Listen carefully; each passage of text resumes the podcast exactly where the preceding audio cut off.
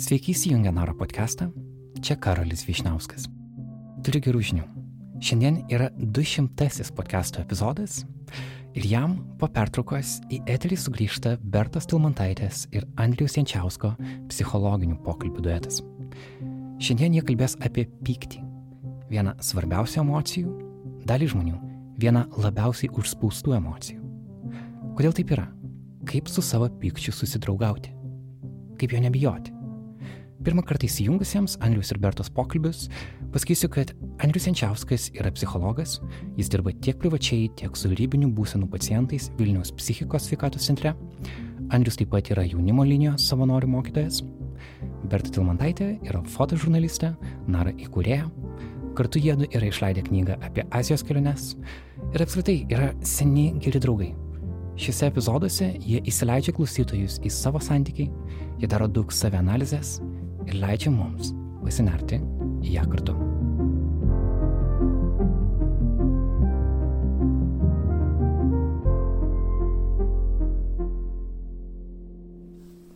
Labas. Nu tai ar užpykai, kad neveikia? Užpykau iški. Pykčio temai gerą startą davė faktas, kad vienas iš mikrofonų, kuriuo turėjo būti atliktas interviu įrašas, prieš įrašą pavedė. Berta savo balsą nusprendė įrašyti telefonu. Ja tai pradžioje kiek supykdė. Um, bet kažkaip um, išjudėsim gal. Tai Bet tai man atrodo jau dabar vajudame, nes, nu, faina situacija, kad šiandien šnekam apie pyktį ir tu startuoji turėdama pykčio. A, jo, apskritai. Ir žinai, kas įdomu, kad nori jį praryti. ir čia vienas iš pavyzdžių, kaip paskui tas pyktis mus pradeda greužti, ne? Jo, ir, ir vienas iš pavyzdžių, kaip mes skirtingai, man atrodo, elgiamės su pykčiu. Ir dėl to man ir įdomu labai šiandien kalbėti ir ruoštis buvo, nes atrodo, kad mes esame visiškai skirtingi šitoj teritorijai pykčio. Mhm. Ir dėl to labai įdomu turėtų būti kalbėti. Ir tu šitą temą pasiūlėjai, kai supykai ant manęs. Jo, jo. Paskui mes ją nukėlėm, nes darėm kitą epizodą dėl, dėl viruso ir paskui grįžom, nes aš supykau, kad tu supykai.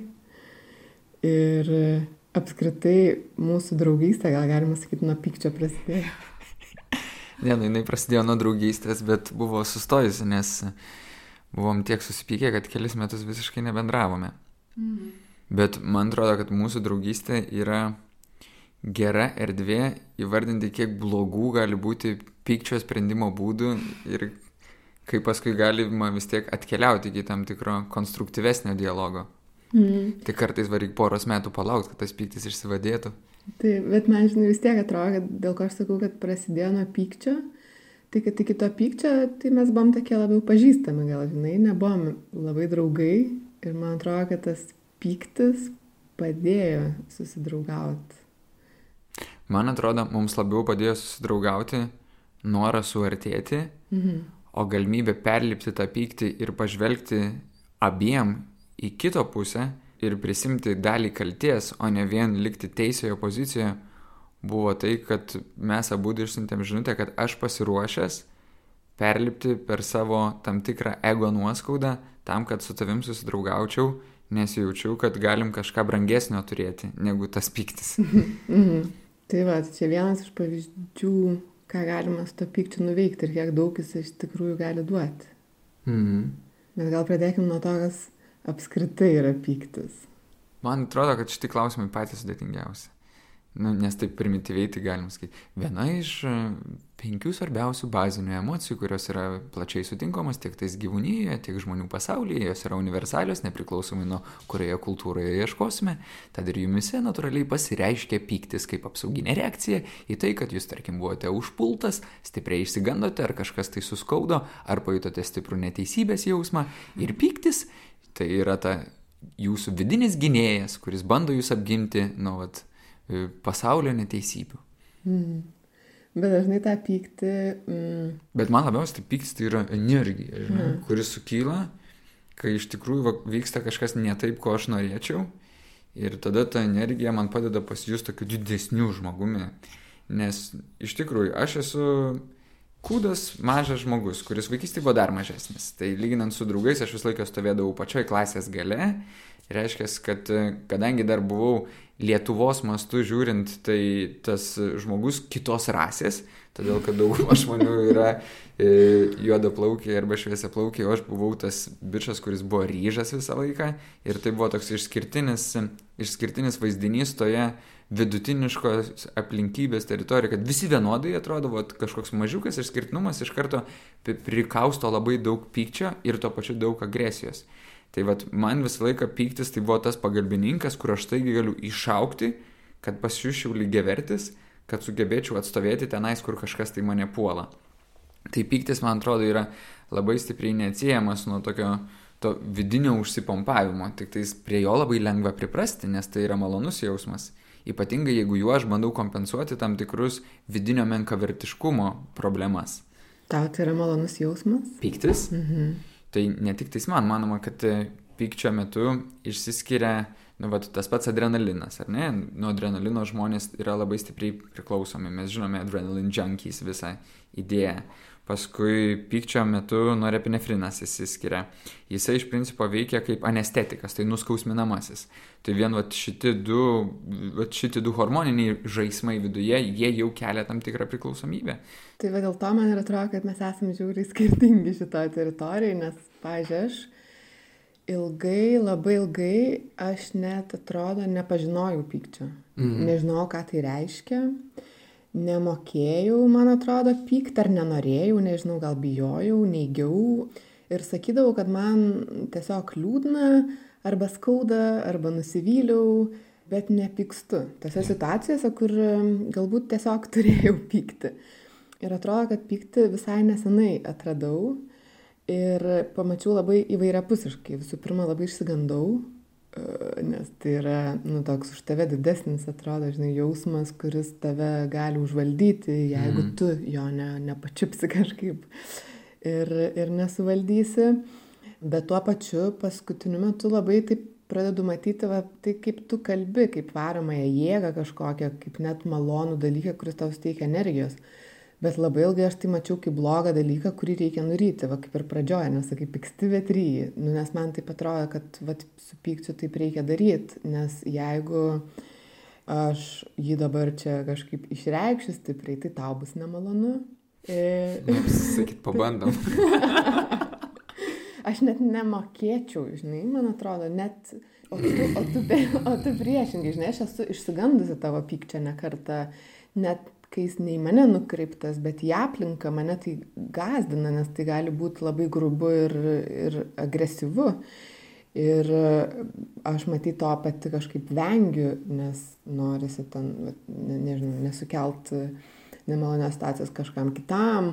Dažnai yra sakoma, tas pikčiurna, ten kažkoks toks neigiamas dalykas, kad jeigu tu pyksi, nu, tai tu čia kažkaip nesusitvarkai su savim, kad turi būti protingas ir kažkaip išspręsti tas situacijas. Ir man atrodo, kad mes čia, nežinai, prieinam tą klišinį auklėjimo skirtingumą, kur pykstanti mergaitė yra blogis ir vis tiek kultūriškai tave labiau auklėjo kaip mergaitė, o verkiantis berniukas yra kitas blogis. Už tai berniuko pasaulyje vienintelė legali emocija ir yra pyktis, už tai natūraliai susiformuoja įprotis visas įmanomas emocijas. Tai yra liūdėsys, natūraliai baimė labai dažnai automatų virsta į pyktį, tai va baimė, pasišlikštėjimas. Tai šitos emocijos labai staigiai šast ir persverti į pyktį ar kažkokia tai gėda ir tada nerodau jokių emocijų kitų į išorę, vienintelis dalykas, ką galiu ir ką legalu parodyti, tai pykstu.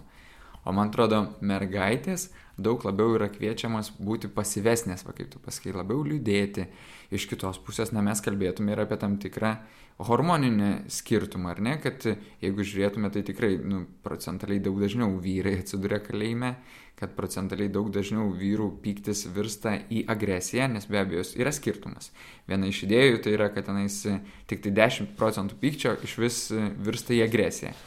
Tai moterų pyktis, jis irgi subtiliai yra kitoks. Dažnai, man atrodo, mes kalbėtume, kad jisai yra toksai kerštingesnis, dažnai mes kalbėtume, kad jisai labiau yra taip pat iš nugaros kažkur tais įsmeigtas, dažnai jis yra labiau per, per kritiką, per paburbėjimus, bet tai nėra tiesioginis kelias į agresiją ir į konfliktą.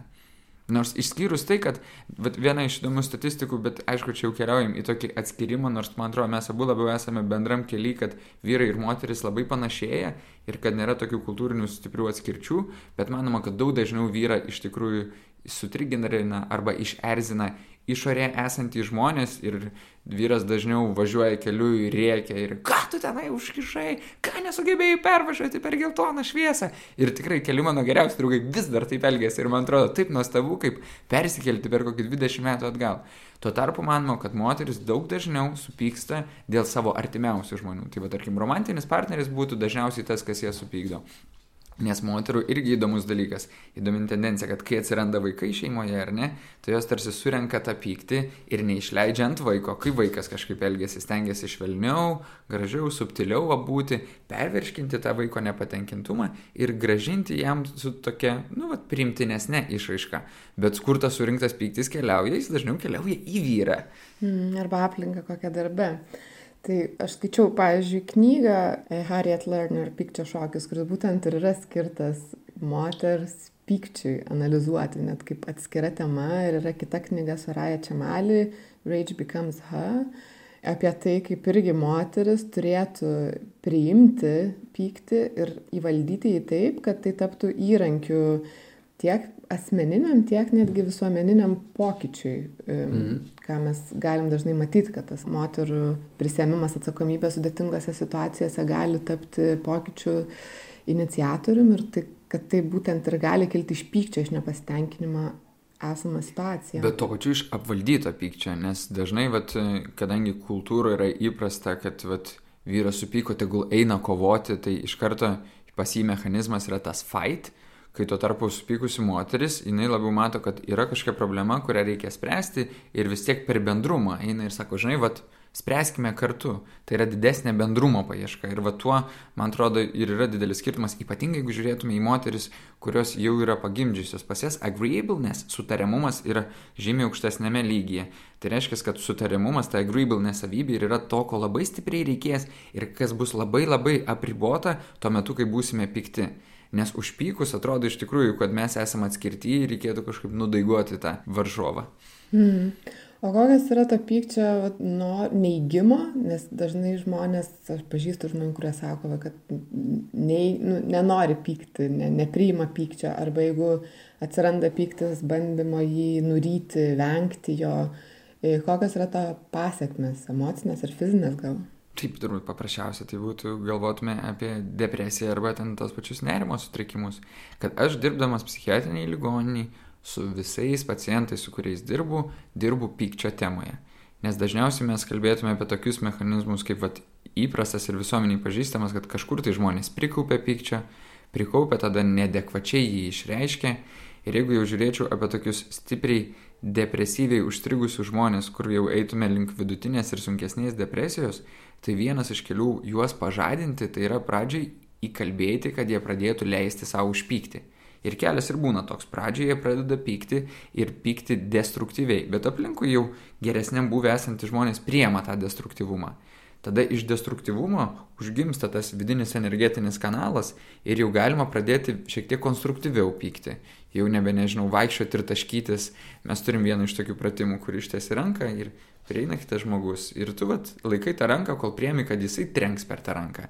Ir galėtume sakyti, kad vat, vaikų auklėjime mes jau sakom, kad ne, fizinė agresija nėra gera išraiška bet su užstrigusiu žmogum, kai iš tikrųjų jam labai sunku savyje rasti tos jėgos ir vidinės energijos, tai va galimybė išreikšti tą pyktį ant pasaulio, tą didžiulį nusivylimą, kur iš tikrųjų jisai jaučiasi nusivylęs viso to, kas vyko aplinkui jį, nes jisai yra prikaupęs begalę nuoskaudų, nes labai dažnai situacijose, kur natūralu būtų buvę reaguoti pykčių, jisai nereagavo, o viską dėjo į vidų, dėjo į vidų, dėjo į vidų.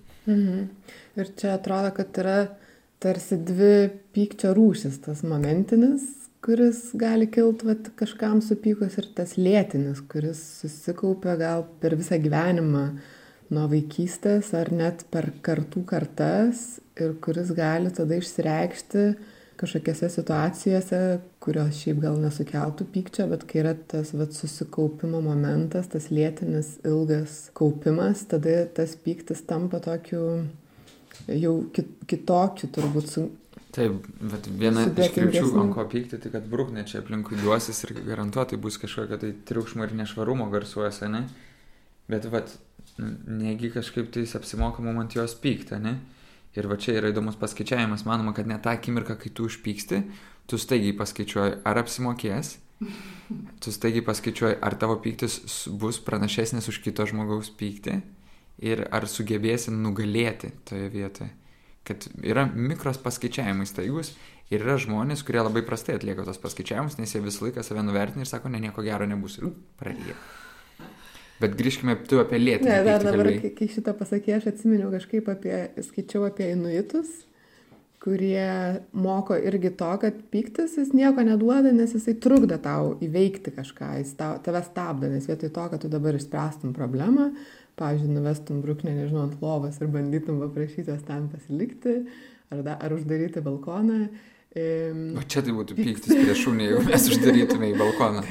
Tai va, tai kad pyksti, kad pyktis tarsi trukdo išspręsti problemą, nors iš tikrųjų gali būti priešingai, kad jisai padėtų ją išspręsti. Ir man kažkaip paprasčiausiai tai matyti kaip tam tikrą energetinį pakilėjimą, ne?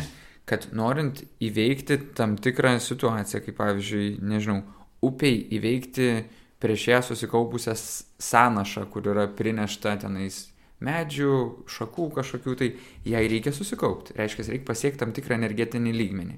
Bet jeigu jinai susikaups iki tiek, kad virs į kažkokį, nežinau, kažkokį didžiulį taifūną, tai be abejo, tai reiškia, kad nuneš ne tik tai tą sąnašą, bet ir šalia esančius namelius. Tai man atrodo, problematika ir yra ta, kad e, kai sutrigrina mūsų situacija ir situacija nėra didelė, jinai tarkim kaip kokie 5 cm, o mūsų reakcija yra kaip 50, tai jau kalbėtume apie tai, kad prieš tai esame daug prikaupę pykčio, nebeišlaikėme, dėl chroniško pykčio mūsų stiklinė visą laiką yra tenais 2 trečdaliai užimta ir yra tik tai trečdalis erdvės, į kurią mes galime vat, sureaguoti, kur galim dar pakesti, išbūti kantrus ir panašu, kad reaguosim iš visos pilnos stiklinės į tą situaciją, o ne taip, kas būtų adekvatu toje, toje vietoje.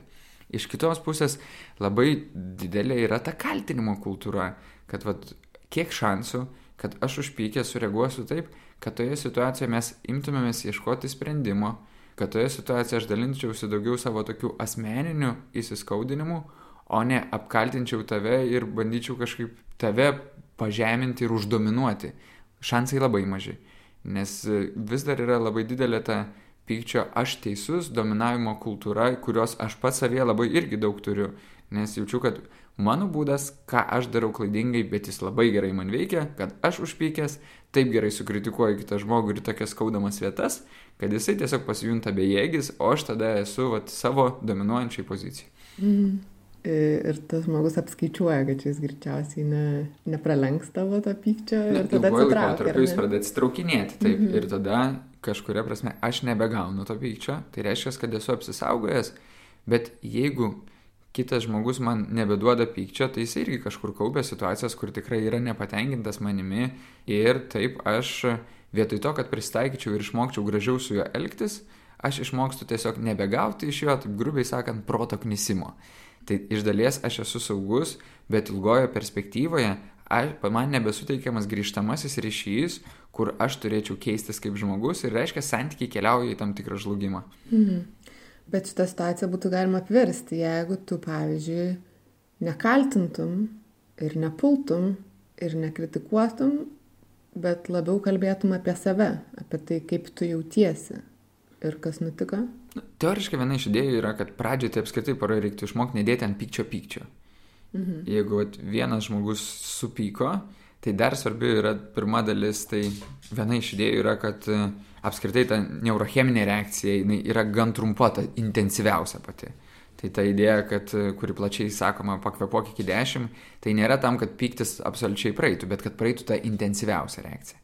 Arba jeigu jau šeimoje mes pradėjome nebe aiškinti santykius, o pursloti vienas ant kito irgi geriau atsitraukti, šiek tiek aprimti, vien tam, kad ta intensyviausia reakcija praeitų ir tada įmanoma sugrįžti šiek tiek racionalesniais. Ne tik tais vyksta tas acting outas arba emocijų išveika, dėl to, kad viduje savyje nesutalpinu. Na, viena iš įdomių idėjų, tai anksčiau populiarioje psichologijoje buvo mintis, kad ei, mes esam prikaupę labai daug pykčio, jeigu užeina pyktis, nelaikyk savietų arba ištaškyk jį ant kito žmogaus arba ištaškyk ant kito daikto. Ir pagal vieną iš tyrimų, kuris buvo atliktas, du trešdaliai žmonių galvoja, kad reikia nelaikyti pykčio savyje, reikia ištaškyti, kaip buvo įprasta ant pagalbės, bet dabartiniai tyrimai sako, kad jeigu tu taip mokiniesi išveikti, reiškia tavyje tas kantrumo mechanizmas mažėja ir tas vidinis gebėjimas išlaikyti savo konteinerį ir perdirbti pyktį, jis darosi vis prastesnis ir prastesnis. Tai tikslas iš tikrųjų nėra kuo greičiau ištaškyti jo ant partnerio. Tikslas yra prakeliauti intensyvėje akimirką, akimirka nurimsta, tai nereiškia, kad aš išsidedu į vidų, bet su ramesne akimirka aš turiu šansų jau labiau išreikšti tai kaip į mūsų bendrą gerovę orientuotą emociją, kur aš, žinai, sakau, kad žinai, va, šią akimirką man sunku tave mylėti, bet aš vis tiek noriu būti meilės santykėje su tavimi. Tik jaučiu, kas man labai stipriai trukdo ir kas man yra skausminga. Tai kai tu paimi mano, nežinau, mėgstuką neatsiklaususi, jį užsidedi, išpurvini ir padedi atgal į spintą. O kai aš ateinu pas tavį ir sakau, žiūrėk, paimi mėgstuką, tu man sakai, nežinok, neįmiau, bet aš pagal kvapą jaučiu, kad įmiai. Tai man nepatinka ir kai neatsiklausi ir negerbi mano teritorijos, ir man nepatinka, kai meluoji man.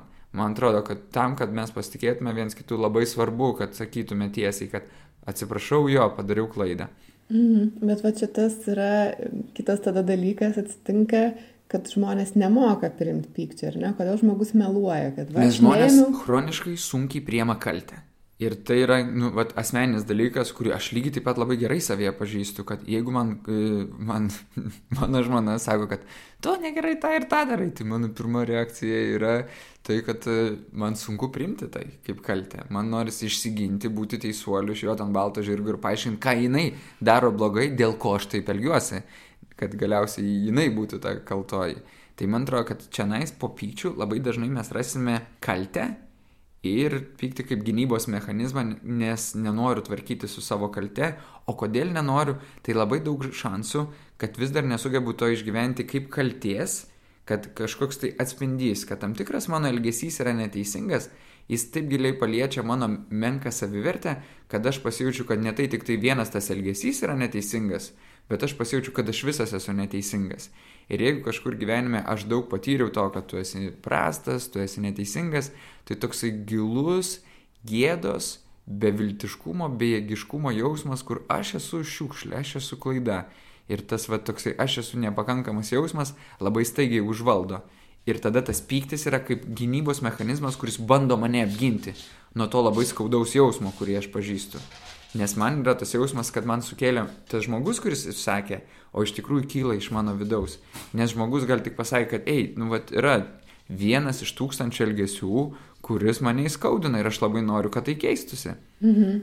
Bet dar yra ir kitas kalties jausmas, nes čia mes pakalbėjome apie kalties jausmą, kai tavęs pyksta, Taip. bet dar gali būti, tau gal ir nepažįstama, bet kalties jausmas, kai pyksti. Aha. Ir pradedi save kaltinti, kad pyksti, nes ar turi teisę pykti, kas iš to pykčio, E, gal esi blogas žmogus, ar tai kažką duos, gal geriau nuryti ir nepykt, nes gal tada būsi ten piktas ir, ir niekas tavęs nemylės, nes tu pyksti.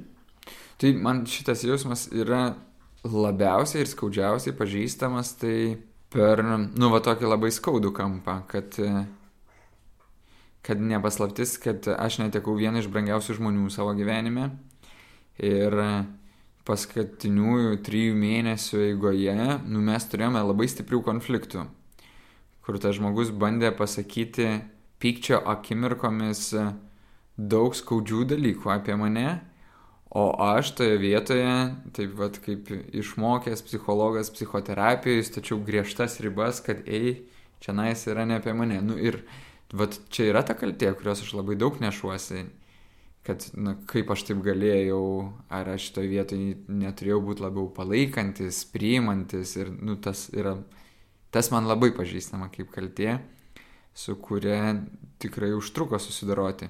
Bet man atrodo, tu labiau kalbėjai apie tą akimirką kaltę, ne? kad aš jau Nu, pykstu tiek- ir šalia jinai Taip, prasideda. nes čia yra toks apie tą situaciją, kur tu pasakai, tai čia labiau yra, kad tu pyksti, kad ant tavęs pyksta, tai čia toks dar du aukštai, bet gali būti, kad aš supykstu ant kažko, ant tavęs, ant draugės, ant mamos, tėčio kažko. ir tada jaučiuosi blog nėra konfliktinės situacijos yra kažkokia situacija kuri man sukelia pyktį galbūt tai yra va tas lėtinis chroniškas kažkoks pyktis Bet sakyk konkretų pasikartojantis. E, nežinau, kad kažkas peržengia mano ribas, tarkim, ar ne, ir Mm. manim pasinaudoja. Ir aš Pavyzdžiui? supykstu, iš manęs kažko reikalauja, ko aš neturiu laiko jėgų duoti, bet jeigu neduosiu, tai tada mane kvestionuos galbūt ir man priekaištaus, ar ne? Mhm. Ir aš tada supykstu, kad kažkas nori peržengti mano ribas, bet tada pradedu blogai jaustis, kalta jaustis, kad aš pykstu. Ir vad klausimas, ar tu kalta dėl to, kad pyksti, ar kalta dėl to, kad pyksti viena, o ne tame santykyje? Ar kalta jautiesi dėl to, kad jautiesi per silpna, kad tą pyktį išsakytum, ar kalta jautiesi dėl to, kad jauti, kad, nu, vat, bijai prarasti tą žmogų ir prarasti tą santykį. Tai va čia labai neaiškiai, ar ne dalis. Mhm. Ar kalta dėl to, kad pyksti, ar dėl to, kad nepasidalini to pykčiu. Abu variantai gali būti ir mes su draugais ir esame apie tai išnekėję ir kartais pykti žmonės tiesiog jaučiasi kalti, kad jie pyksta. Mhm. Nes tai yra kažkoks nemalonus dalykas ir tarsi tas klausimas, ar aš turiu teisę pykti. Žinai, nes e, man irgi galiu pagalvoti, ar aš turiu teisę pykti ant tavęs, kad tu mane paskambini, nes nu juk tu neturi laiko, nes jei turėtum paskambintum, bet aš pykstu. Taip, ir man atrodo, pakelk ragelį ir paskambink man. Ir nu, paversk tą pyktį į energiją, kuri padėtų tau gyvenime veikti. Ir, ir kurti pokytį. Nes jeigu tu pyksti viena ant manęs, o aš to nežinau, ir tu net ne šitos energijos pas mane, nu vad mes neturim šansų kažką tai kartu spręsti. Bet man atrodo, kad aš net neturiu teisės pykti. Mhm. Ir čia nais mes grįžtame prie to paties auklėjimo, kad vat, tu neturi teisės pykti, tai reiškia, tu neturi teisės savo poreikių ištranšiuoti į pasaulį ir siekti, kad jie būtų patenkinti, nes šiuo metu nu, tu išgyveni stygių, kad tie poreikiai nėra patenkinti. Tai ar tu turi paimti tos poreikius kažkaip susikišti savo vidų ir sakyti, ne, aš būsiu savi pakankama. Nu, yra keli variantai. Ir va čia, man atrodo, ir atsiranda tas įdomusis, įdomusis konfliktas. Vienas variantas - eiti į tą santykį ir kalbėti, kad, ei, aš turiu poreikį, aš pasilgau tavęs. Ir, žinai, man pikta, kad mažai laiko mes turim kartu. Bet alternatyva yra irgi ieškoti, tai kur tas santykis yra mano santykio eilutė, ar ne? Nes tą patį poreikį aš galiu nueiti ir patenkinti su ten keliais žmonėmis, kurie gali būti šiandien yra daug labiau pasiekiami. Ir tada tas mano pyktis, jis virsta į tai, kad vat, aš tada tolstu, tolstu nuo to žmogaus, kuris neturi man laiko, bet artėju prie tų žmonių, kuriem daug labiau esu šiuo metu reikalinga ir su kuriais gali būti, kad daug arčiau galiu pintis. Mhm. Bet gali būti, kad ne, kad tiesiog e, Nes vėl- nuryju. Tai du variantai yra aktyvi arba pasyvi, ar ne agresija, kur paprasta labai suprasti. Aktyvi agresija, kur aš nešuosi pas tavį ir mes einame į konfliktą, tam tikra pasyvi agresija, kas vat yra, man vienas iš turbūt psichologijos studijuojant įdomiausių atradimų buvo tai, kad vat, neištikimybė yra pasyvios agresijos viena iš aiškiausių išraiškų. Ir man atrodo, kaip aš pats to nesugalvojau, kokia gera mintis. Kita viena iš pasyvios agresijos formų tai yra, kai aš metu savo šalį, sakau, nieko gero čia toj Lietuvoje, aš vat, ne, iš savo pykčio neinvestuoju, kad kažką keičiau, kad keistųsi vat, kažkokia situacija, kad sukurčiau kažkokį tai savo verslą, sukurčiau gerą darbo vietą, arba sugebėčiau, nežinau, eiti valdžią ir proaktyviai keisti kažką toj pačioj įstatyminėje bazėje. Ne, aš sakau, keliauju kitur. Ir va čia taip tokia tam tikra pasvegresė. Bet jeigu žiūrėtume, tai labai nemažai porų atkeliauja į skirimosi momentą tik tais tada, kai iš aktyvaus konfrontavimo jie atkeliauja į pasyvę būseną, kur verda tik tais viduje ir jau nebepradeda į išorę konfrontuoti, nes nebetiki, kad iš to bus naudos. Tai, žinai, nu, bet klausimas ir yra, kad ar tu iš vaikystės išmokai, kad išreikšdama pyktį į išorę niekada iš to neturėsi jokios vertės. Nes nemažai vaikų tą ir išmoksta kad į kiekvieną jų pyktį buvo atreaguojama dar didesnių pykčių ir jie suprato, kad už pyktį tiesiog gausiu per galvą. Ir tai yra vat, labai labai pavojinga tendencija. Mhm. Ką su tuo daryti? Kaip neduot vaikui galvą, kai jis pyksta. Ne vaikui, bet kaip nebijot pykčio. Aš asmeniškai labai bijau konfliktiškų situacijų ir jų vengiu. Ir dėl to, va, turbūt būtent dėl to, kad atrodo, kad jeigu aš pyksiu ant manęs dar labiau supyks, arba jeigu aš eisiu į konfrontaciją kažkaip, kad gausiu atgal e, dar daugiau. O kaip peržengti tą ir išmokti pykti ir nebijoti pykti ir nebijoti eiti konfrontaciją. Tai tai manoma pasiekti tik tais pakankamai saugiuose santykiuose ir vienas iš nu, pirmųjų santykių tai gali būti, kad žinai, kai, kai moki žmogui pinigus už tai, kad ant jo pyktum, dažniausiai drąsiau ant jo pykti, aš kalbu apie psichoterapiją. Bet iš kitos pusės mes kalbėtume jau apie santykius su draugais ir apie mokinimąsi pykti su draugais. Iš trečios pusės man atrodo, kad labai geras kelias yra tas, kurį mes abu su tavim pasirinkome. Tai yra atrasti veiklą, kurioje būtų legalu elgtis agresyviai. Ir ten irgi yra įdomus kampas, kad manoma, kad netgi 90 procentų agresijos yra pyktis, bet vat yra 10 procentų, kuri nėra pyktis. Tai aš galvoju, kad aš, lankydamas kovinius sportus, tenais esu turėjęs mažiausiai pykčio situacijų su aplink esančiais žmonėmis negu visus kitus sportus. Mhm. Todėl, kad tenais yra legalu. Taip. Ir tenais jau niekas nebenori paskui pyktis. Visi yra primę, išsitaškę. Ir tai toks... juokiuosi visą laiką ir šipstausi, nes tiesiog labai gera. Nu, aš galiu, jo, aš galiu ten stipriai spirti ir trenkti ir tai nėra atreaguojama dažniausiai blogai, o kaip tik sveikina, kad geras, geras smūgis ir geras spyris. Taip, bet vėlgi priklauso, ne? Tu dabar turbūt kalbėjai apie tai, kad sportuoji su stipresniais už save žmonėmis, kuriems net pats stipriausias tavo spyris, jisai nėra toks kausmingas, kai jie sustoja viens prieš kitą, ten vyrai po šimtą kilogramų ir pradeda vanotis iš visų jėgų. Tai natūralu, kad toje vietoje tu gauni palaikymo, ne? Bet vat, jeigu tu sustotum su silpnesniu už save žmogum ir savo stipriausią spyrį parodytum, ar tikrai jis tau užsiųstų palaikymą? Greičiausiai ne. Tai, žinai, aš dažniausiai pastebiu, kad man norisi šipsotis prie žmonės, kurie yra gerokai stipresni, nes toj vietoje aš išgyvenu dalį baimės. Mhm. Kad šipsena dažniausiai yra arti baimės ir jaučiu, kad vat, mokinuosi, kiek legalu prie to žmogaus išreikšti savo agresiją, už kurią negausiu dar daugiau atgal jeigu tai yra stipresnis už mane žmogus. Ir man atrodo, viena iš įdomių mokyklų ir yra tenais būti pranašesniu, bet neišsikauti ant silpnesnio varžovo savo agresijos vien dėl to, kad tu turi tą pranašumą ir turi tą galimybę. Mhm. Ir vad lygiai taip pat su vaiku. Ir čia nais yra labai svarbi mokykla, kad taip, visi mes esame dažniausiai stipresni už savo vaikus ir kai vaikas pyksta, tą pyktį mes taigi galime apkarpyti dar didesniu pykčiu. Nors viena iš idėjų yra, kad jeigu vienų metų vaikas ir turi tam tikrus pykčio sproginėjimus, iki penkių metų didžiausia tikimybė, kad jis išauks iki tokio vidutiniškai tvarkingai besielgiančio vaiko, todėl kad čia natūraliai eiga. Ta eiga dar pasunkės, kaip tam vaikui bus ten antrieji, tretieji metai, kur jau daugiau jisai pradės reikšti tos pykčius ir ne, ir visokius kapriziukus. Bet toj vietoj svarbiausia jo pykčio eiga ir bus tai, kaip jūs tvarkysitės su tuo pykčiu. Ir čia vat jau ir yra sudėtinga mokykla, kad kiek aš iškenčiu savyje, kiek aš priemu savo pyktį, tai vat man ir pavyks priimti ir jį, ir jo pikčiukus, ir jo tam tikrus vat priepolius, kuriuos vat visi vadiname kaip ožiukus. Mhm. Tai kaip juos priimti tiek vaikų, tiek draugų, tiek dar kažko pykti.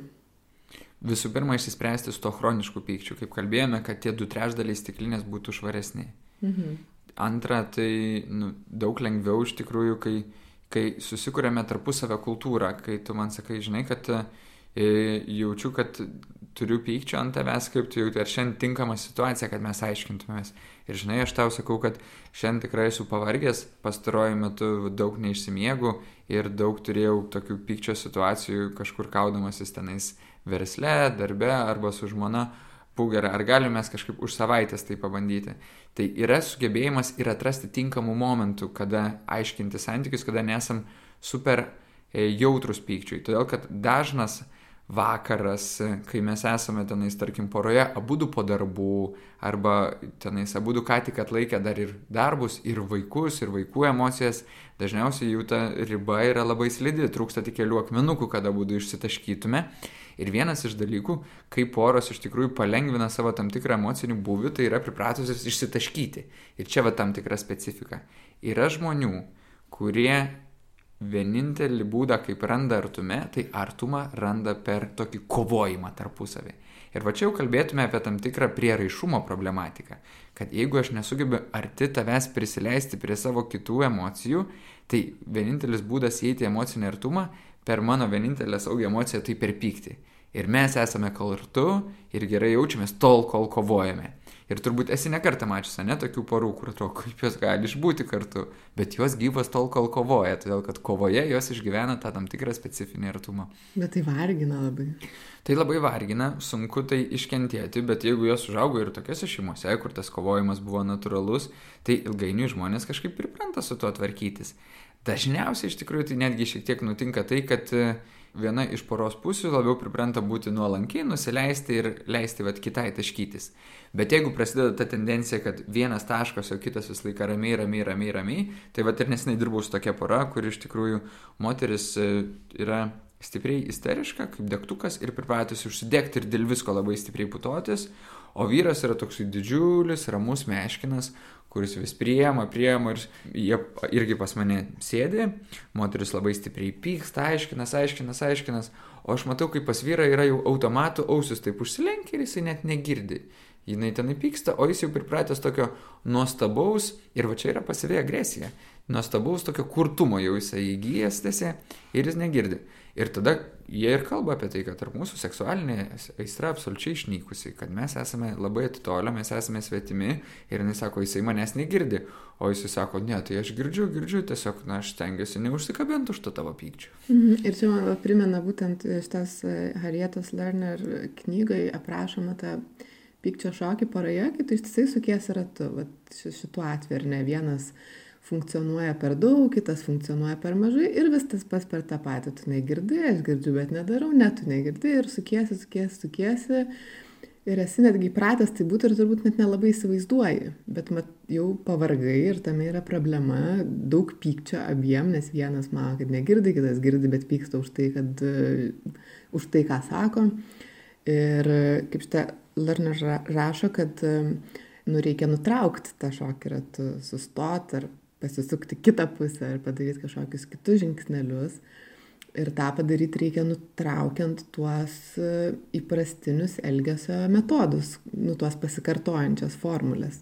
Tik tą padaryti yra labai sunku, nes tai reiškia, kad tu pats turėsi keistis, jeigu nori išeiti iš to sukimosi ratu. Ir labai įdomu, kad jie sukosi ratu, tada tarsi prieėm prie tokio pakvietimo, kad svarbu, kad ir jisai leistų savo pykti ant jos Ir tada ta isteriška moteris, gavusi iš vyro pykčio, spėja, kaip jinai reaguoja. Jis krenta į aukos būvį. Ir ką tik buvusi vat, agresorė, kuri liejasi, liejasi, liejasi, liejasi ir sako, tai gerai, tai tu irgi papyk. Jis įpradant jos pykti, jinai... Nebepyk, nes nežinau, ką su to daryti. Taip, pat ir čia tada iš sukimosi ratu prasideda sukimasis trikampiu. Tokiu trikampiu, kur yra auka, agresorius, gelbėtojas. Auka, agresorius, gelbėtojas. Ir tai nebėra irgi lygiavertis santykis, kur du žmonės lygiavertiškai priema, kad mūsų santykiuose yra legalu pykti, kad mūsų santykiuose mes tengiamės pajusti, kad gerai, šiandieną daugiau tu pyksti, aš esu labiau ramintojas ir labiau bandau suprasti, ką svarbu iš to pasimti, o kur iš tikrųjų tavo pervargimo, kur iš tikrųjų yra tavo visų kitų situacijų, kurios nesusijęs su manim perteklius. Bet lygiai taip pat labai baisu, kai yra nuolatos tie patys vaidmenys, ne, kaip pasakėjai, kad ta dinamika turi keistis ir kad svarbu išmokti, kad kartais visgi aš irgi turiu teisę pykti, Bet tam, kai aš pyksiu, tai aš nenoriu, kad tu į mane atsakytum pykčių, arba kad tu staigiai nukristum į aukos būvį ir oi, kaip aš čia tave užgavau, nes pagaliau pasakiau kažką tai tau nemalonaus. Ir va čia yra sunku. Sunku būti tuo atlaidesniuoju ir sunku dalyvauti šitam žaidime, nes, žinai, yra tas žaidimas, kur akis už akį. Ant manęs užpyko, aš atgal daviau. Bet manoma, kad ilguoju laikotarpiu daug sėkmingesnis žaidimas yra ne akis už akį, o žaidimas, kad aš esu tau atlaidus, netrenkiu atgal, kai tu man trenki, priemu, atkenčiu tau tai ir paaiškinu tam tikrą formą, kuri padeda tau pamatyti ir kai tu aprimsti daug šansų, kad tu atsiprašai manęs ir sakai, jo, atsiprašau. Buvo svarbi pykčio dalis, už šitą labai noriu, kad ir išgirstum, kad tikrai svarbu, kad keistume šitoje vietoje kažką santykiuose, bet ir buvo kita dalis, kur aš nesažiningai ilgiausi ir už tai atsiprašau tavęs.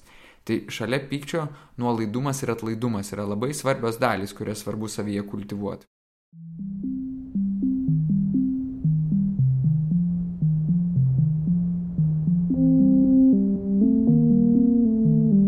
Šioje vietoje leiskite padaryti pauzę, nes noriu padėkoti klausytojams, kurie mus palaiko Patreon platformoje.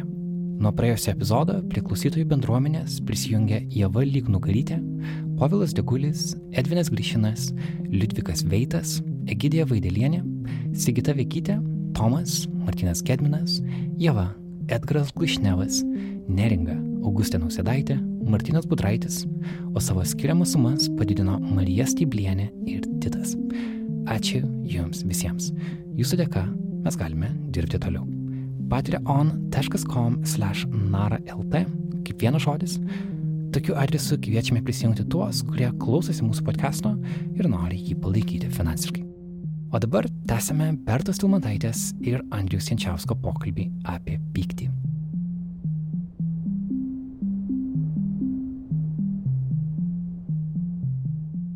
Ar yra e, būdų, kaip tą daryti? Nes mes kalbėjome ir apie tą lėtinį chronišką pyktį ir va dabar apie tuos nutraukimus kažkokių paternų, kažkokių elgesio formulių. Ir turbūt tiesiausias, paprasčiausias būdas tai būtų terapija, bet jeigu ne visi savo gali tą leisti, ar yra kažkokių savarankiškų būdų, į ką atkreipti dėmesį arba ką pabandyti padaryti, pasitreniruoti. Tai be abejo yra, vat, kaip tu darai, specifinės literatūros skaitimas, yra savęs stebėjimas ten įvairių knygų kaip nuotaikos vadovas pagalba, yra rašymas, kuris padeda. Bet daugumoj atveju mes turim kalbėti apie tai, kad labai lengva jaustis, kad aš susitvarkiau su savo pykčiais, jeigu iš tavo vat, aktyvaus pykčio pyktis virto į tokią pasyvę agresiją nukreiptą prieš visus žmonės, atsiskyrė ir gyveni vienas. Nes čia irgi yra specifinė pykčio išaiška to, kad nesugebėjau sutvarkyti su aktyviu pykčiu ir tiesiog atsitraukiau nuo visų ir atsitraukęs tiesiog esu aktyviam palikime visos žmonijos. Tai galiausiai tvarkymasis su pykčiu, tikrasis tvarkymasis vyksta tik tai santykiuose, kurie yra reikšmingi santykiai.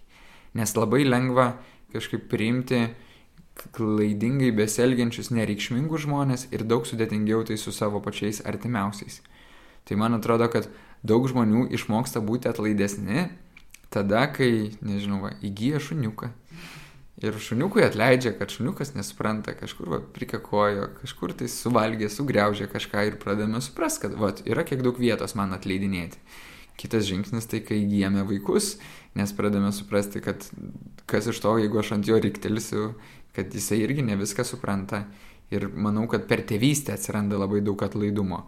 Bet kitas dalykas, tai atlaidumo mokinimasis ir yra ilgalaikiai santykiai Ir jeigu nepavyko pirmas, antras, trečias, ketvirtas, penktas ilgalaikis santykis, vis tiek kelias yra toliau eiti į juos ir ieškoti. Ir dar bandyti surinkti informaciją, kas per dalykai kartojasi, kas, kas yra man blogai. Bet šiaip žiūrint, tai chroniškos pykčio problemos jos stipriai susijęs ne tik su psichinė sveikata, bet ir su realia fizinė sveikata. Nes tai yra žmonės, kurie turi daug daugiau problemų ten su širdies, kraujagyslių lygomis. Ir va čia yra viena iš įdomiųjų problematikų, kad jeigu žmogus prieš tai buvo daug sutariamesnis ir draugiškesnis, ir jeigu pastebėjote, kad jo piktumas specifiškai yra paaugęs, tai irgi gali būti vienas iš ženklų ieškoti, kas jo organizme yra negerai, nes gali būti, kad jisai net nepastebėdamas tam tikrus chroniškus skausmus ir chroniškus blogumus išgyvena ir gali būti tai vienas iš ženklų, kad reikia keliauti pas gydytojus ir tirtis, nes labai daug žmonių iš tikrųjų numiršta nuo sudėtingų lygų dėl to, kad nėra pakankamai laikų grieptasi tam tikrų tyrimų ir problema nėra ankstyvoje stadijoje paimta.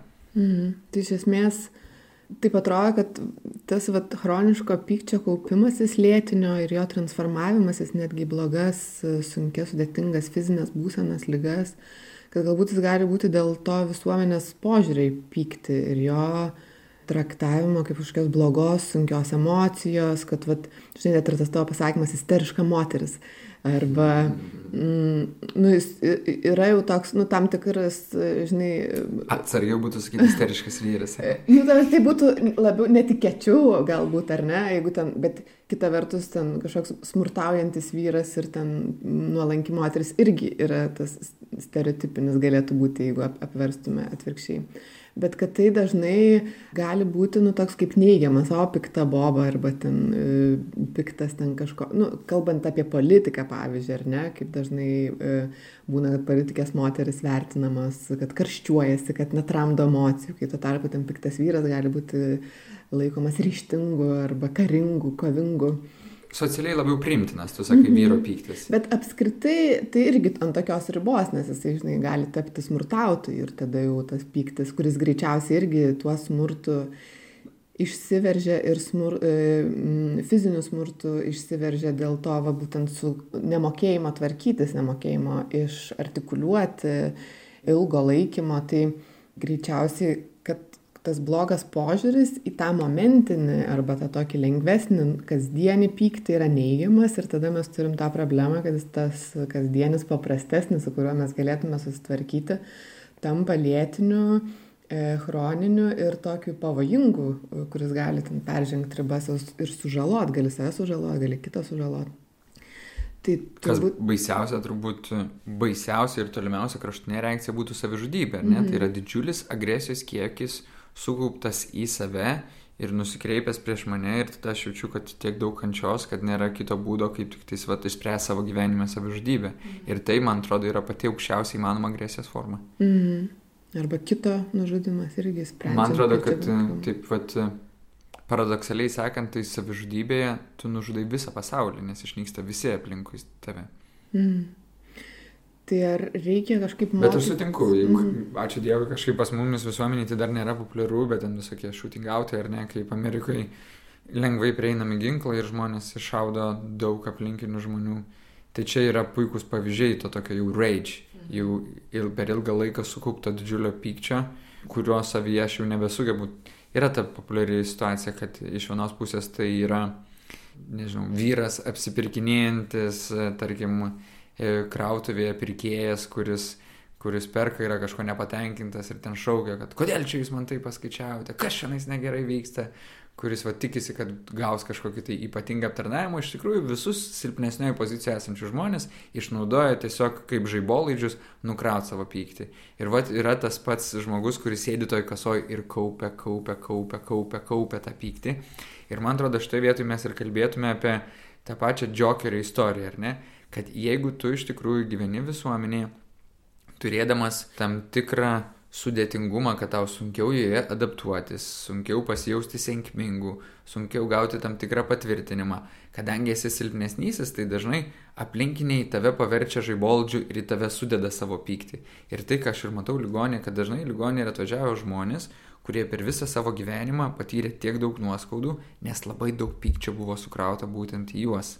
Tai, nu, vat, kažkuria prasme tai ir yra žmonės, kurie kenčia už mus visus kaip visuomenė. Nes jie yra tie, kurie vat, prikaupė pykčio ir iškrovė.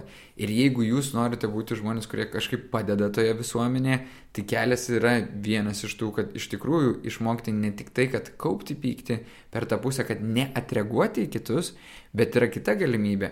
Tai aš dalinai sutinku su tam, kad svarbu išmokti atreaguoti, atreaguoti kažkaip pakankamai sklandžiai, ir pakankamai neužgauliai. Bet iš tikrųjų daugumoje situacijų galima išmokti net reaguoti, neužsigauti viduje. O yra žmonių, kurie sugeba išmokti net ir šiek tiek užsigavę savyje, sugebėti atleisti. Tai yra vat, pamedituoti, išsportuoti ir padaryti tai, kad ta, ta, per kūną išreikšti tuos dalykus, kad nesikauptų jų viduje. Kad galima išmokti vidinių išsivalymo būdų per tą patį kvepavimą, meditaciją arba sportą, kad viduje mumise nesikauptų tos įtampos bet iš kitos pusės vis analizuojant, o tai dėl ko aš supikau, įmanoma ir nebūti taip stipriai priklausomam nuo savo vidinių įsitikinimų, kad visas pasaulis turi būti toks, kad čia yra aukščiausi įsitikinimai ir visi turėtų tų įsitikinimų vadovautis, kad aš turiu lūkesčius, kad vat, manim visą laiką pasirūpins ir nieks su manim nesvels nesažiningai, kad yra galimybė ištrūkti iš to tokio aukos mąstymo į tokį mąstymą, kad gerai, aš esu pakankamai savipakankamas, mano savivertė pakankamai tvirta, kad tam tikrus lengvus smūgius aš galiu atreaguoti nenuvirsdamas, kaip per šparingą ar nesustojam viens prieš kitą ir yra užduotis neduoti atgal, nesiginti, o tik priminėti smūgius. Ir labai aiškiai pradedam pajusti, kad nėra tas mano kūnas toks silpnas.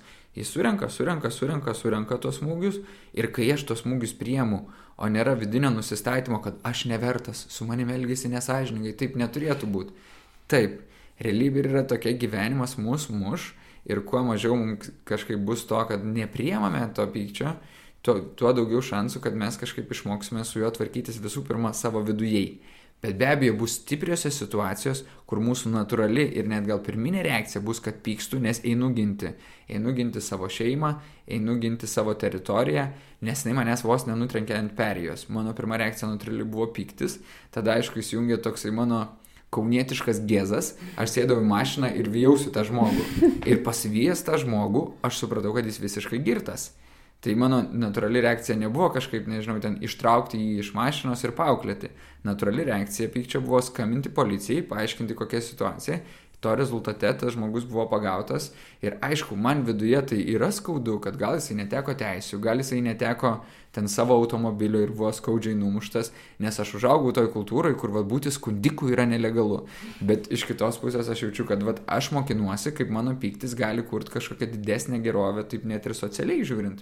Mm. Ir šiaip beklausant tavęs toks susidarė vaizdas, kad tas pyktis yra toks kaip tinklas mus visus jungiantis. Ir yra kelios gyjas iš visų, tai yra pyktis į mus, pyktis iš mūsų, ten nutrūkus gyja kažkokia nutilėtas pyktis, žinai, ir kad visi esam susiję ir visi bet kada galim viens ant kito supykti, ir ne tik artimam santykiai dėl kažkokių rimtų priežasčių, bet vat, ir toj kasdienoje, kad ten netiek centą atidavė kaso ar vos nenutrenkė per perį.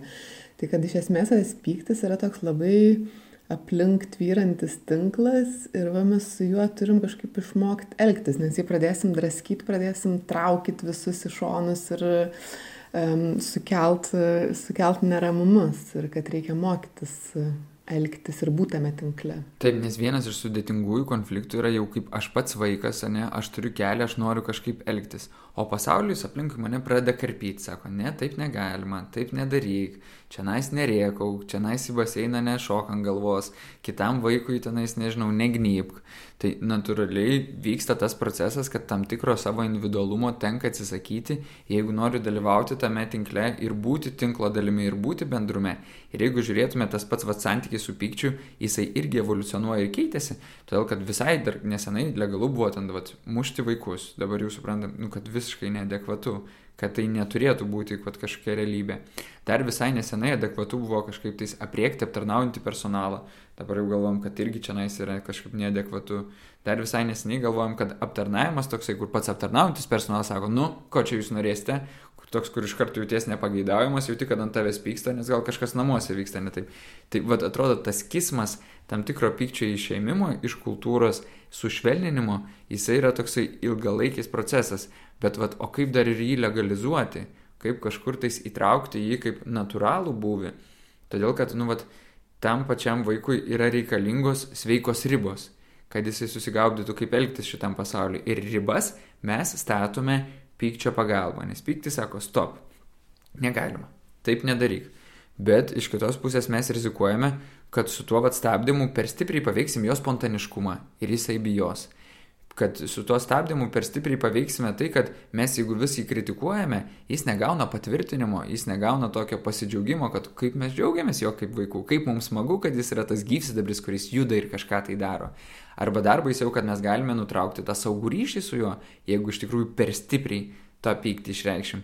Tai man atrodo, kad ne, nebereikalo Freudas ir vis laik kalbėjo apie tai, kad yra eros ir tanatos, dvi svarbiausios energetikos, jeigu taip žemyn sutraukiame iki tokių vat, dualystės, dviejų variantų. Ir eros yra va, ta statanti, bet tanatos yra ta greunanti. Ir nori, nenori, evoliucija ir visuomenės evoliucija mes nuolat ieškome, ką ir kaip statyti, o ten, kur nusprendžiam, kad statėm ne į tą pusę, greuname tą dalį ir sakom, ne, keičiam. Vis dėlto jau sukūrėm kažkokią geresnę praktiką ir matom, kad taip yra geriau elgtis ir kad taip geriau elgtis reikia ir stabdyti ankstesnę praktiką. Tai, o tas stabdymas ir yra va, pykčio energija, kuris sako, stop, taip nebedarom, nebevažinėjame girti keliuose, nebe, nežinau, nebekariaujame keliuose ir taip stabdome daug gyvybių. Arba nebe, nežinau, nebesityčiame mokykloje, todėl kad matome, kad tas irgi prie nieko gero neveda. Mm. Bet va tas e, šiek tiek aš galvoju apie tai, kad ar ne, tarsi viešosiose erdvėse galbūt nebepriimamas tas pyktis, ten aptarnavimas nemalonus arba pats ten nemaloniai neselgsi.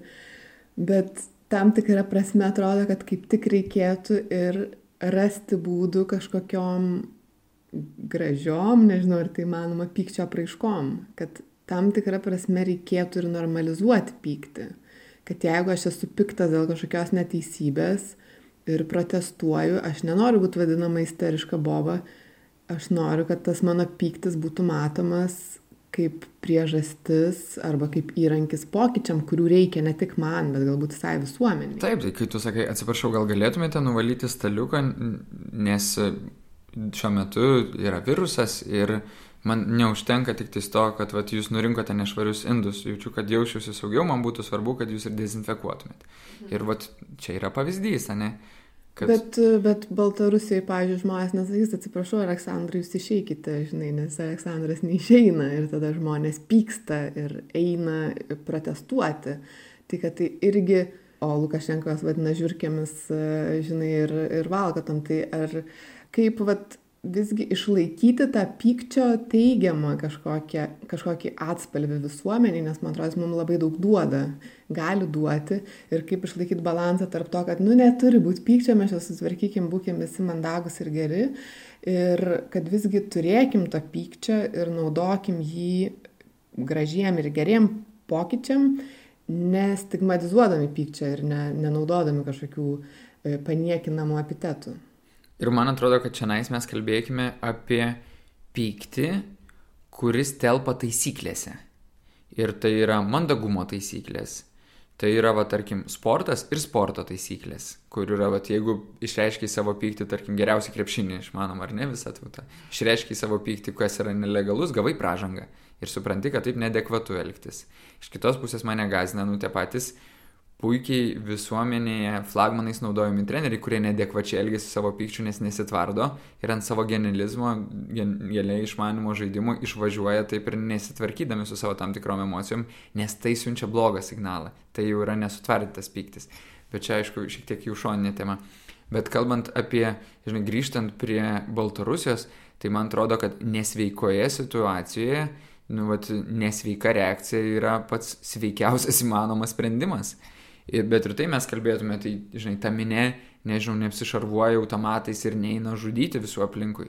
Tai reiškia, kad tai yra labai kontroliuojamas pyktis, iš, kuris išlieka žmogiškumo ribose.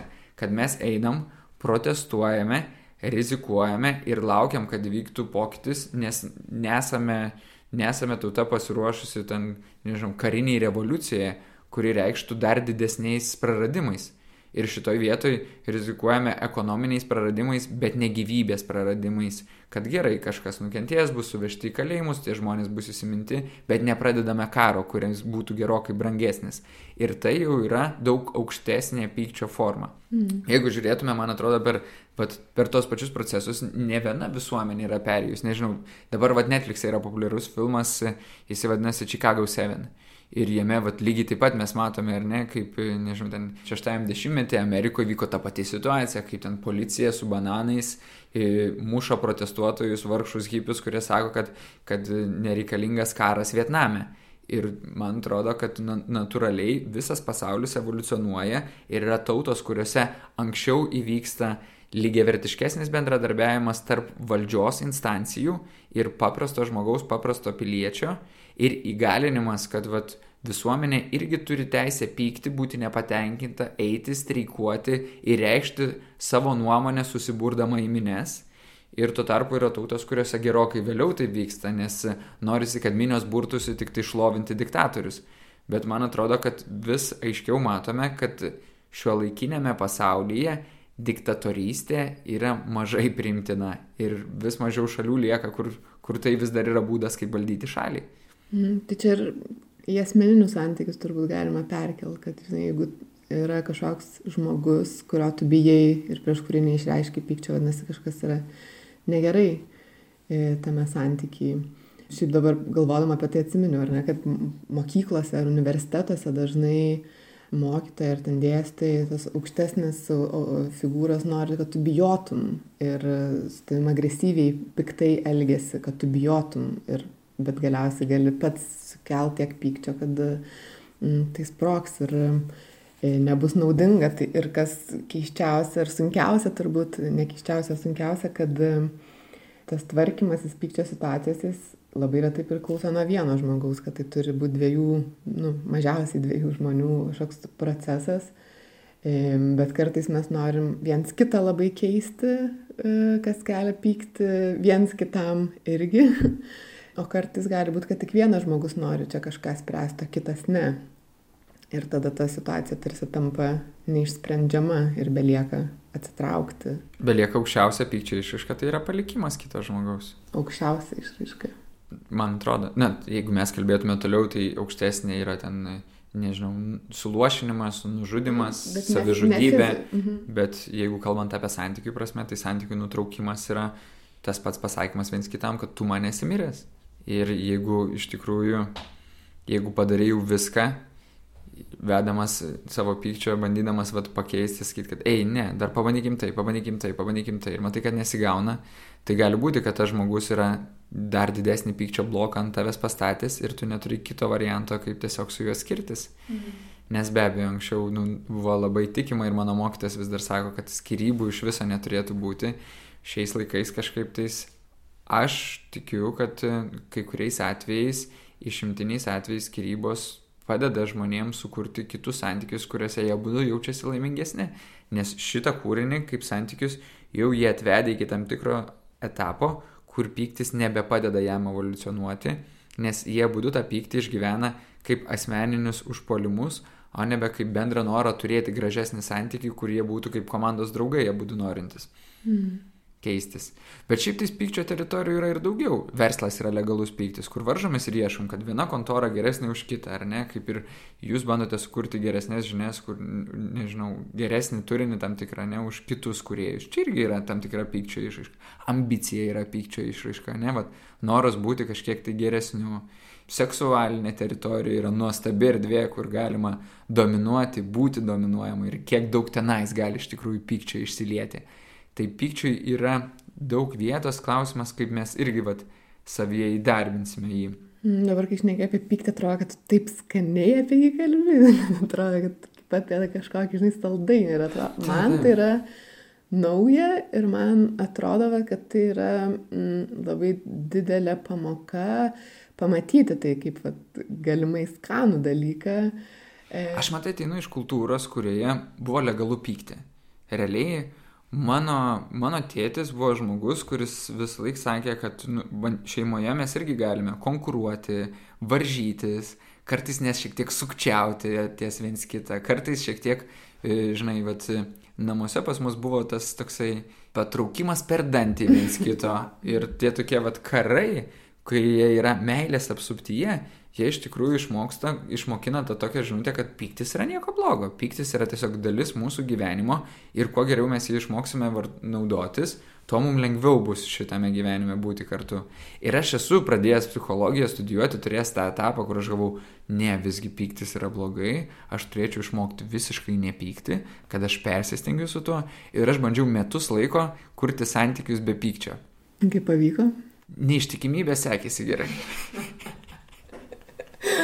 E, pasyvi agresijos forma. Pasyvi agresijos forma. Pyktis mm. realiai tada susikaupia ir virsta pasyvi agresija, kur aš kažkur tai apsimetinėjau būdą, kad manęs tai neliečia, aš viską praryju savėje, praryju savėje, o paskui paaiškėja, kad akivaizdžiai liečia, nes yra tam tikros teritorijos, kur aš nesugebu susitvarkyti. Mm.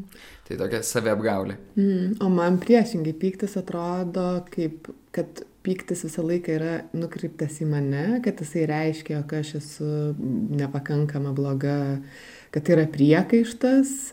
Ir kai aš tai matau turbūt nukreipta į mane, aš to nenoriu jau e, išreikšti į kitą žmogų, kad tas kitas kažkaip žmogus taip jaustųsi. Ir tada jis patampa tokiu vat, nesaugia teritorija. Ir ją reikia atrasti iš naujo ir išmokti joje elgtis iš naujo. Nes man atrodo, kad jeigu mes turime pakankamai gerą santyki, tu neturi man pataikauti, nes jeigu tu pradedi man pataikauti, tai išiminėjame kažkokį labai svarbų kanalą iš pykčio. Ir jeigu žiūrėtume, kad vat, iš santykio, kad jeigu santykis kaip emocinis kanalas ir susideda iš tų pagrindinių kelių, kaip vat, bendras džiaugsmas, bendras liūdėsys, bendra baime, bendras va kažkoks tai pasišlikštėjimas, bendras, bendras pyktis, bendra nuostaba, tai vad vieną svarbų kanalą čiukšti ir atjungiam, o jisai labai glaudžiai siejasi, jisai siejasi su baimės kanalu, nes dažnai jeigu išsigandom, reaguojame baimę, su pasišlikštėjimo kanalu, jisai siejas pasišlikštėjimas, jis mums reiškia valgoma, nevalgoma arba teisinga, neteisinga, labai dažnai šalia neteisybės jisai yra. Ir tokiem žmonėm kaip aš, kuriam kelias buvo daug labiau išmokti liūdėti, nes liūdėsys buvo nelegalus dalykas, labiau buvo įprasta va kompensuoti viską, kad pyktis, pasipykstam ir nereikia čia jokio liūdėjimo. Tai taip, ir tada ir ta dalis tampa kaip pykčio teritorija. Bet man atrodo, kad mano kelias iš tikrųjų yra mažiau naudotis pykčiu. Ir va dėl to aš ir renkuosi profesiškai tokį kelią, kur man daug svarbiau yra tas bendrai siekiamas bendrumas su klientais, kur dažnai mano darbas yra kaip tu tėčio su vaikais, yra primti jų tam tikrą pyktį ir netrenkti jiems atgal. Todėl, kad iš tikrųjų, jeigu žiūrėtume, yra trys tvarkymos mechanizmai. Tai kompensacija, vengimas ir pasidavimas. Compensate, avoid ir surrender.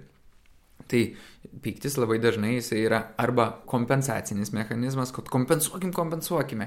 Mano mokytojas Alekseičikas mėgsta tą pasakymą, iš ko pasaulyje kursime gėrį. Iš blogio. Tai reiškia, kažką imsime, keisime ir padarysime, kad būtų geriau. Kitas variantas yra, vat, per pyktį dažnai yra tas vengimas, ne, kuris gali būti arba pasyvi agresija, kad nu, gerai, nėra man tavęs, arba aktyvi, kad eik iš čia, nenoriu net matyti. Tai va būtent dažnai ant pykčio genamiems žmonėms svarbi dalis yra išmokti pasiduoti tą surrender, priimti tai, kad va, yra tam tikras nepakeičiamumas. Ir iš tikrųjų visai nesenai kitas artimas žmogus mano gyvenime turėjo tokį etapą, kad jisai sužinojo, kad turi onkologinę lygą ir jo pirminė reakcija, kad jis pripratęs kovoti, jam reikia faitinti ir ten nėra ko faitinti. Tenais buvo labai svarbi dalis išmokti pasiduoti ir priimti tą energetiką ir nesipriešinti, nes priešinimasis yra labai stiprus energijos švaistimas. Ir vat, o kaip išmokti tiem aktyviai piktiem žmonėm pasiduoti, priimti ir plaukti su bendra srove, čia yra sunkus kelias. Nes tai ir yra, vat, priimti tai reiškia išliūdėti, tai reiškia išgėdėti ir pasimt va dar kažkokią pamoką, kad, žinai, kažką negerai dariau, jeigu mano organizme atsirado onkologinė liga. Ar yra kažkas, ką dar norėtum pridėti? Ne, jaučiu, kad artėjame į laiko pabaigą ir, ir ta pykčio išraiška yra tiesiog stop, viskas, šiandien baigiam. tai ačiū tau labai. Atrodo, kad reikia mokytis pykti ir pamatyti pykti labai įvairiai atrasti ir pasidžiaugti ir neįsigasti ir kad tai labai susiję su turbūt, vat, ką tu minėjai, savivertė, su savęs matymu ir gebėjimu priimti pyktį arba išreikšti pyktį ir kad tai yra toks treniruotė kaip ir kovos menuose. Mm. Kaip išmokti sauliaisti aistringai pykti ir kaip priimti tą patį kito aistringą pyktį. Mhm. Ir kaip išmokti tą dinamiką, kur, vat, o kur jau mano eilė, nusileisti, surrender, būti tuo nuolankiuoju ir leisti kitam šiek tiek va pašėlti. Mhm. Ir kaip palaikyti tai, kad vat, netaptų tai tik tais viena kryptis, ne, o kažkur vau, keičiamės. Mhm. Jau aš šėlstu, o tu mane priemi. Ir koks nuostabiai malonus šitas šokis yra. Tik jisai daug daugiau šansų turi kartu egzistuoti, jeigu mes išlaikome tą prieimimo bazę Tai reiškia, kad tik tais, vat, man atrodo, svarbesnė visgi dalis yra, kad meilės santykiai mes galim sauliaisti turėti daug pykčio santykio, kuris nukreiptas į mūsų bendrą didesnį gėrį. Nu, turi būti tikras, kad tavęs nepaliks, kad tave prims su pykčiu.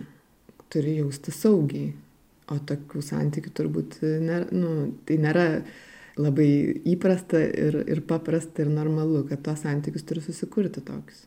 Taip, ir man atrodo dar, kad dar yra svarbus ir tas procentas, kad jeigu jau tau užėjo pyktis, kiek iš tikrųjų to pykčio yra apie tai, kad tu tiesiog stengiasi mane sumenkinti, o kiek to pykčio nukreipta į tą dalį, kad bandymą kažką pakeisti. Tai reiškia neeskaluoti konfliktą tam, kad galėtume sprokti ir man palengvėtų, o labiau ieškoti sprendimo ir vat savyje tai pagauti, savyje paieškoti kiek aš šitą frazę eskaluoju, o kiek vis dėlto sprendžiu. Yra labai įdomi paieška. Nes labai dažnai žmonės sako, oi, atsiprašau, aš nenorėjau to pasakyti, ką pasakė konflikto metu.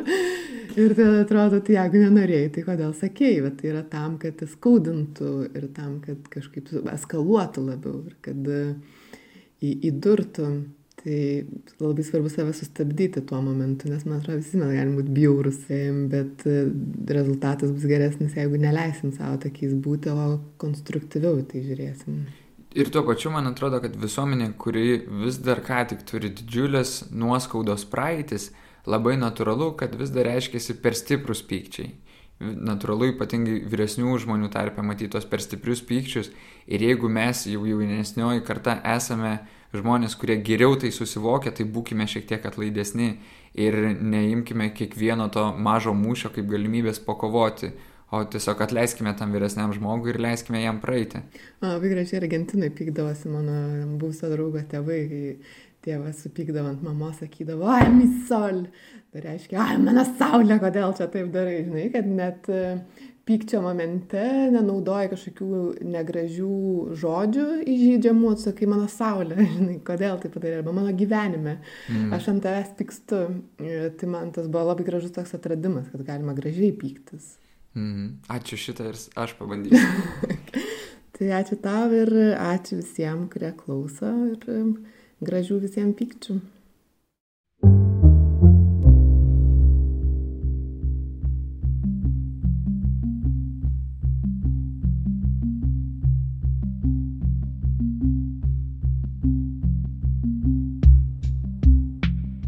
Toks mūsų epizodas šiandien. Ačiū, kad buvote kartu. Girdėjote psichologo Andrius Jančiausko ir žurnalistės Bertos Tilmantaitės pokalbį apie pyktį. Įrašą redagavo Indrė Kiršaitė. Mano studijinį balsą įrašome nacionalinės Martino Mašvido bibliotekos garso įrašų studijoje. Garso režisierė čia yra Kata Bidoft. Podcast'o muzikos kompozitorius yra Martinas Gailius. Priminsiu, kad Naro podcastą išlaiko pati klausytojų bendruomenė Jeigu jums patinka tai, ką girdite, palaikykite mūsų adresu patreon.com naralt. Mūsų 100 dolerių per mėnesį patronai yra Ramūnė Tam ir Blossom Wood Foundation. Visi kartu mes kūrėme jau 200 Nara, anksčiau Naila podcast'o epizodų. Ačiū, kad esate kartu šiame kelyje. Jis toli gražu nesibaigia, eikime juo toliau. Mano vardas yra Karolis Višniauskas. Iki kitų kartų.